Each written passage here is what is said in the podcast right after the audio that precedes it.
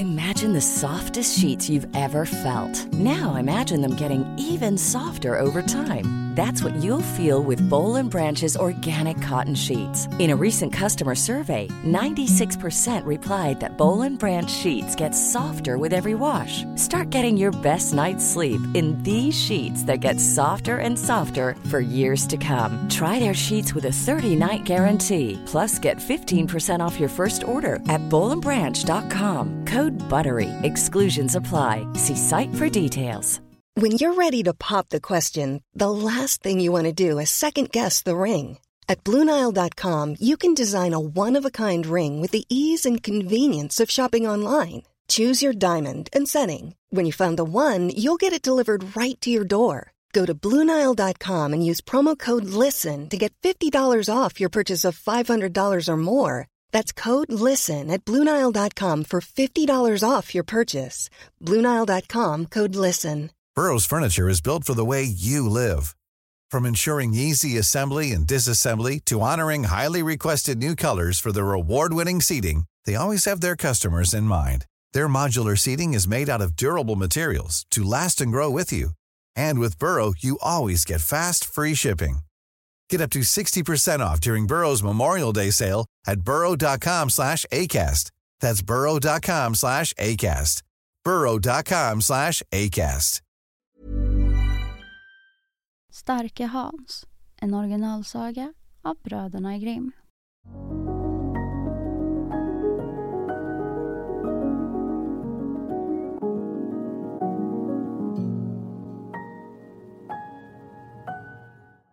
Det var en gång en man och en hustru som hade ett enda barn och de bodde alldeles ensamma i en avsides liggande dal. Det hände en gång att hustrun gick ut i skogen för att samla granris och tog med sig den lilla Hans som var knappt två år gammal. Eftersom det just då var vår och barnet fann stor glädje i alla de brokiga blommorna gick hon allt längre in i skogen med honom. Plötsligt kom två rövare framrusande ur snåren, grep modern och barnet och förde dem djupt in i den mörkaste skogen, dit aldrig någon vandrare brukade nå. Den stackars kvinnan bad och bönföll rövarna att släppa henne och barnet. Men de aktade inte det minsta på hennes ord, utan tvingade henne att fortsätta färden. Sedan de i ett par timmars tid hade trängt sig fram genom buskar och snår kom de till en klippa i vilken en dörr fanns uthuggen. Rövarna knackade på och dörren öppnades strax. De måste gå igenom en lång mörk gång och kom slutligen in i en stor grotta. Denna upplystes av den eld som brann på härden. Runt väggarna hängde svärd, sablar och andra mordvapen som blänkte i eldskenet. Och i mitten stod ett svart bord vid vilket fyra rövare satt och spelade tärning. Och i högsta sätet satt anföraren. När denne fick syn på kvinnan kom han fram, tilltalade henne och sa att hon bara skulle vara lugn och utan oro. För det ämnade inte att göra henne något för när, men hon måste sköta hushållet åt dem. Och om hon höll allting i ordning skulle hon inte lida nöd hos dem. Därpå gav de henne mat och anvisade henne en bädd där hon kunde sova tillsammans med sitt barn. Kvinnan stannade kvar flera år hos rövarna och Hans växte stor och stark. Modern berättade historier för honom samt lärde honom läsa ur en gammal bok med riddarsagor som hon hade hittat i grottan. När Hans var nio år gammal gjorde han sig en duktig knölpåk av en trädgren och gömde den under bädden. Därpå gick han till sin mor och sa Kära mor, tala nu äntligen om för mig vem som är min far, för det måste jag veta. Modern teg och ville inte säga honom det av rädsla att han då skulle börja längta hem. Och hon visste ju också att de gudlösa rövarna ändå inte skulle släppa honom ifrån sig. Men det skar henne i hjärtat att Hans inte skulle få komma hem till sin far. Följande natt, när rövarna kom tillbaka hem från sitt plundringståg, tog Hans sin knölpåk, ställde sig framför anföraren och sa Nu vill jag veta vem som är min far och om du inte strax talar om det för mig så slår jag dig till marken. Då skrattade anföraren och gav pojken en örfil så att han rullade under bordet. Hans kravlade sig upp igen, teg och tänkte. Jag ska vänta ett år till och sedan försöka igen. Kanske går det bättre då. När året hade gått till ända tog han åter fram sin knölpåk, dammade av den, synade den noga och sa det är en riktigt stark och präktig påg. Fram på natten kom rövarna hem, drack vin, den ena stopet efter det andra och började nicka med huvudet. Då tog Hans fram sin knölpåk, ställde sig åter framför anföraren och frågade honom vem som var hans far. Anföraren gav honom ännu en gång en så kraftig örfil att Hans rullade under bordet. Men det dröjde inte lång stund förrän han åter var på benen igen och gick löst på anföraren och rövarna med sin knölpåk så att de inte längre kunde röra varken armar eller ben. Modern stod i en vrå, full av häpnad över hans mod och styrka. När Hans var färdig med det arbetet gick han fram till sin mor och sa Nu tog jag i på allvar, men nu vill jag veta vem som är min far. Kära Hans, svarade modern. Kom, så ska vi vandra ut och söka efter honom tills vi finner honom igen.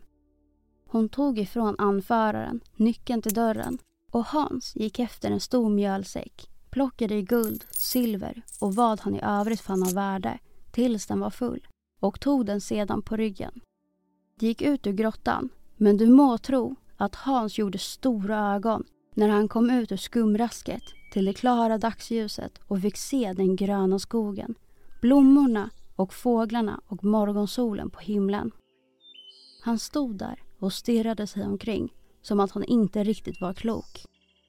Modern letade efter vägen hem men när de hade vandrat ett par timmar lyckades de ta sig fram till sin ensliga dal och sin lilla stuga. Fadern satt utanför dörren. Han grät av glädje när han kände igen sin hustru och fick höra att Hans var hans son. Han hade ju trott att de var döda för länge sedan. Men fastän Hans bara var 11 år var han dock huvudet högre än sin far. De följdes åt in i stugan men knappt hade Hans hunnit sätta ned sin säck på bänken vid spisen innan hela huset började knaka. Bänken rämnade och golvet med och den tunga säcken sjönk ned i källaren. Bevare oss väl! ropade fadern. Vad ska detta betyda? Nu har du förstört vår lilla stuga! Gör dig inga bekymmer för den sakens skull, kära far, svarade Hans. Där i säcken ligger mer än vad som behövs för en ny stuga.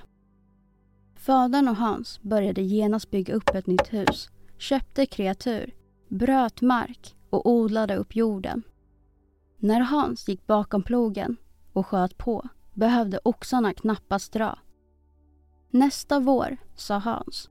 Far, behåll du alla pengar och låt bara göra en riktigt tung vandringsstav åt mig så ska jag dra ut till världen. När staven var färdig lämnade han sin faders stuga, drog bort och kom till en djup och mörk skog. Då fick han höra något som knastrade och knackade. Han såg sig omkring och upptäckte en gran som var snodd som ett rep från roten och ända upp till toppen. Och när han tittade uppåt fick han syn på en storvuxen kar som hade gripit tag i trädet. Hallå! ropade Hans. Vad har du för dig där uppe? Karn svarade. Jag bar ihop några risknippor igår och nu tänker jag sno mig ett rep till dem. Det där tycker jag om, tänkte Hans. Den karn har krafter. Och så ropade han till honom.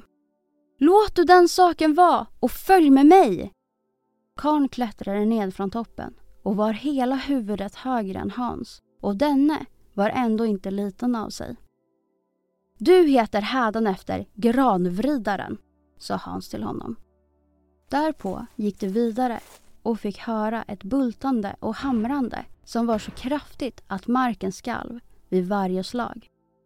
Kort därpå kom de fram till en väldig klippa Framför den stod en jätte och slog med blotta knytnävarna loss stora stycken ur den. När Hans frågade vad han hade för sig svarade han. När jag ville sova om natten kommer björnar och vargar och annan sådan där ohyra som snusar och vädrar runt omkring mig så att jag inte får sova i fred. Och därför har jag tänkt bygga mig en stuga och krypa in i den så att jag får ro.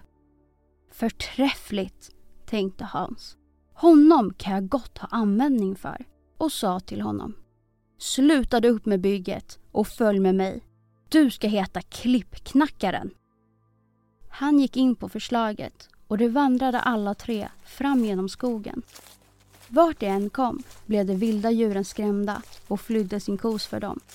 På kvällen kom de fram till ett gammalt övergivet slott, steg in och lade sig för att sova i tronsalen.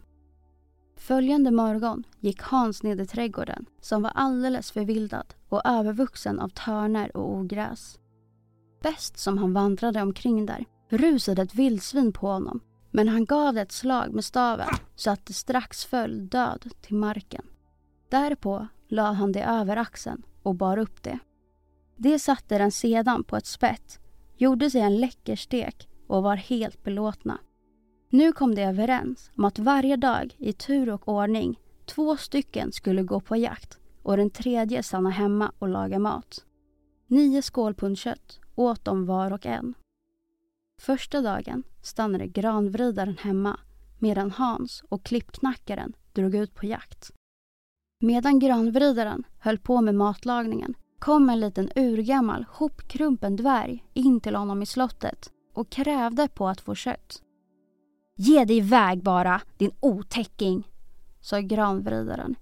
Inte behöver du något kött. Men hur häpen blev inte granvridaren när den lilla obetydlige dvärgen hoppade upp på honom och började bearbeta honom så kraftigt med sina nävar att han inte mäktade försvara sig utan föll till golvet och började flämta efter luft. Dvärgen gick inte därifrån innan han riktigt hade uttömt sin vrede över honom. När de bägge andra kom hem från jakten berättade granvridaren ingenting för dem om den gamla dvärgen och all stryk han hade fått utan tänkte när det blir deras tur att stanna hemma kan de själva få försöka sin lycka med den lilla ätterpiggen och blotta tanken härpå gav honom nöje. Följande dag var det klippknackaren som stannade hemma och för honom gick det precis som granvridaren. Han var illa tilltygad av dvärgen därför att han vägrade att ge honom något kött. När de andra kom hem på kvällen såg granvridaren på honom vad han hade gått igenom med båda teg och tänkte Hans ska minsann också få sin släng av sleven. Hans, som nästa dag måste stanna hemma, höll på med sitt arbete ute i köket som han skulle. Och bäst som han stod där och skummade en gryta kom dvärgen och fodrade utan vidare en köttbit. Då tänkte Hans, stackars lilla kräk, han ska få en bit av min andel så att inte det andra går miste om något och räckte honom en bit kött. När dvärgen hade ätit upp detta krävde han mer kött och den godmodiga Hans gav honom mer och sa att här hade han nu en präktig bit till och med den fick han vara belåten. Men dvärgen ropade på kött för tredje gången. Du blir oförskämd, sa Hans och gav honom ingenting. Då ämnade den elaka dvärgen att rusa på honom och traktera honom på samma sätt som granvridaren och klippknackaren. Men den här gången råkade han illa ut. Utan att behöva anstränga sig gav Hans honom ett par slag så att han flög iväg nedför slottstrappan. Hans ämnade springa efter honom men snavade över honom och föll raklång. När han åter kommit på benen igen hade dvärgen fått försprång. Hans sprang efter honom ända in i skogen och såg honom kyla ned i en klyfta. Därefter vände Hans hem igen men han hade lagt märke till platsen när de båda andra kom åter förundrade de sig över att Hans lyckats vara så välbehållen. Han berättade för dem vad som hade tilldragit sig Och då teg de inte längre och berättade hur det hade gått för dem. Hans skrattade och sa Det var rätt åt er. Varför skulle ni vara så snåla på ert kött? Men det var verkligen en stor skam. Så stora som ni är och ni har tagit stryk av en dvärg. Därpå tog de en korg och ett rep och gick alla tre till klyftan där dvärgen hade försvunnit och hissade ned Hans med staven i korgen. När han hade nått klyftans botten fann han en dörr och när han öppnade den fick han därinne se en ung mö som var blind och skön. Nej, obeskrivligt skön. Och bredvid henne satt dvärgen och grinade emot Hans som en markatta. Men hon var bunden med kedjor och såg så bedrövad ut att Hans grep av djup medlidande och tänkte Jag måste med våld befria henne från den ondskefulla dvärgen. Därpå gav han honom ett slag med sin stav så att han föll död. Strax föll kedjorna av från den sköna jungfrun och Hans kände sig förtrollad av hennes anblick. Hon berättade för honom att hon var en kungadotter som av en vildhjärna till greve blivit bortrövad från sitt hem och inspärrad här i klyftan eftersom att hon inte hade velat av honom. Men dvärgen hade greven satt till väktare och han hade pinat henne på alla upptänkbara sätt. Därpå satt Hans ungmön i korgen och lät hissa upp henne. Korgen kom ned igen, men Hans litade inte på sina bägge följeslagare utan tänkte De har redan visat sig falska och inte berättat för mig om dvärgen. Vem vet väl vad det nu har i sinnet? Därpå la han sin stav i korgen och detta var hans lycka. För när korgen hunnit halvvägs upp lät de den falla ned igen och om Hans verkligen hade suttit i den hade det blivit hans död. Men nu visste han inte hur han skulle bärga sig åt för att komma upp ur djupet och hur mycket han än grubblade kunde han inte hitta på råd. Det var då bedrövligt, tänkte han. Att jag ska behöva förgås här nere. Medan han så vandrade av och an där nere kom han tillbaka igen till den lilla kammaren där ungmän suttit fången och upptäckte att dvärgen hade en ring på fingret som lyste och blänkte. Då drog han av den och satte den på sin hand och när han vred den runt fingret fick han plötsligt höra något susa ovanför. Han tittade upp och blev varse några luftandar som sa att han var deras härskare och frågade vad han ville. Till att börja med var Hans alldeles förstummad men sedan sa han att det skulle bära honom upp igen. Det lydde ögonblickligen och det kändes alldeles som om han hade flygit uppåt. När han hade kommit fram stod ingen människa till att upptäcka och när han kom tillbaka till slottet fann han ingen där heller. Men Hans vred på ringen och strax kom luftandarna och berättade för honom att de två befann sig ute på havet. Han sprang och sprang ända tills han kom fram till havsstranden.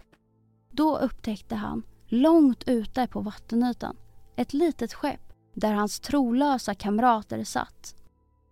I hans vrede rusade han ut betänkande med staven i hand, ut i vattnet och började simma.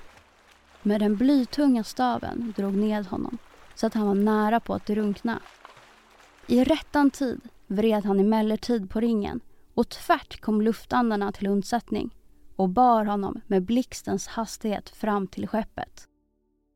Där svingade han sin stav, gav sina falska vänner den lön de förtjänade och kastade dem i vattnet.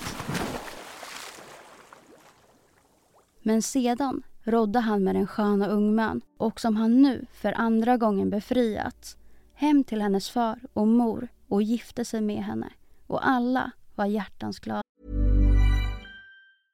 Ryan Reynolds här från Mint Mobile. Med priset på nästan allt som går upp under inflationen, trodde vi att vi skulle bring våra priser down. So to help us, we brought in a reverse auctioneer, which is apparently a thing. Mint Mobile unlimited premium wireless. Ready to get 30, 30, bit to get 30, bit to get 20, 20, 20, bit to get 20, 20, bit to get 15, 15, 15, 15 just 15 bucks a month. So, Give it a try at mintmobile.com/switch. slash $45 up front for 3 months plus taxes and fees. Promo for new customers for limited time. Unlimited more than 40 gigabytes per month slows. Full terms at mintmobile.com. Hey, it's Paige DeSorbo from Giggly Squad. High quality fashion without the price tag. Say hello to Quince. I'm snagging high-end essentials like cozy cashmere sweaters, sleek leather jackets, fine jewelry, and so much more. With Quince being 50 to 80% less than similar brands. And they partner with factories that prioritize safe, ethical, and responsible manufacturing. I love that. Luxury quality within reach. Go to quince.com slash style to get free shipping and 365 day returns on your next order.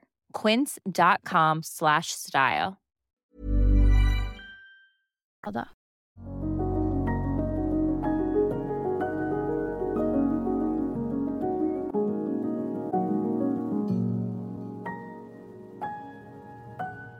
Hoppas att ni gillade sagan. För er som vill bli medlemmar på Stora sagostunden på Patreon kommer att få tillgång till två sagor i veckan. Men vi kommer även att finnas kvar på gratisplattformarna med en saga i veckan. Tack för att ni lyssnade. Ha det bra! Planning for your next trip? Elevate your travel style with Quince. Quince has all the jet setting essentials you'll want for your next getaway, like European linen, premium luggage options, buttery soft Italian leather bags, and so much more. And is all priced at 50 to 80% less than similar brands.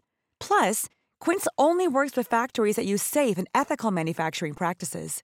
Pack your bags with high-quality essentials you'll be wearing for vacations to come with Quince. Go to quince.com/pack for free shipping and 365-day returns. Imagine the softest sheets you've ever felt. Now imagine them getting even softer over time. That's what you'll feel with Bowl and Branch's organic cotton sheets. In a recent customer survey, 96% replied that Bowl and Branch sheets get softer with every wash. Start getting your best night's sleep in these sheets that get softer and softer for years to come. Try their sheets with a 30-night guarantee. Plus, get 15% off your first order at bowlandbranch.com. Code BUTTERY. Exclusions apply. See site for details. Hi, I'm Daniel, founder of Pretty Litter. Did you know cats tend to hide symptoms of sickness and pain? I learned this the hard way after losing my cat, Gingy. So I created Pretty Litter, a health monitoring litter that helps detect early signs of illness by changing colors, saving you money and potentially your cat's life. Pretty Litter is veterinarian developed, and it's the easiest way to keep tabs on your fur baby's health right at home. Go to prettylitter.com and use code ACAST for 20% off your first order and a free cat toy. Terms and conditions apply. See site for details.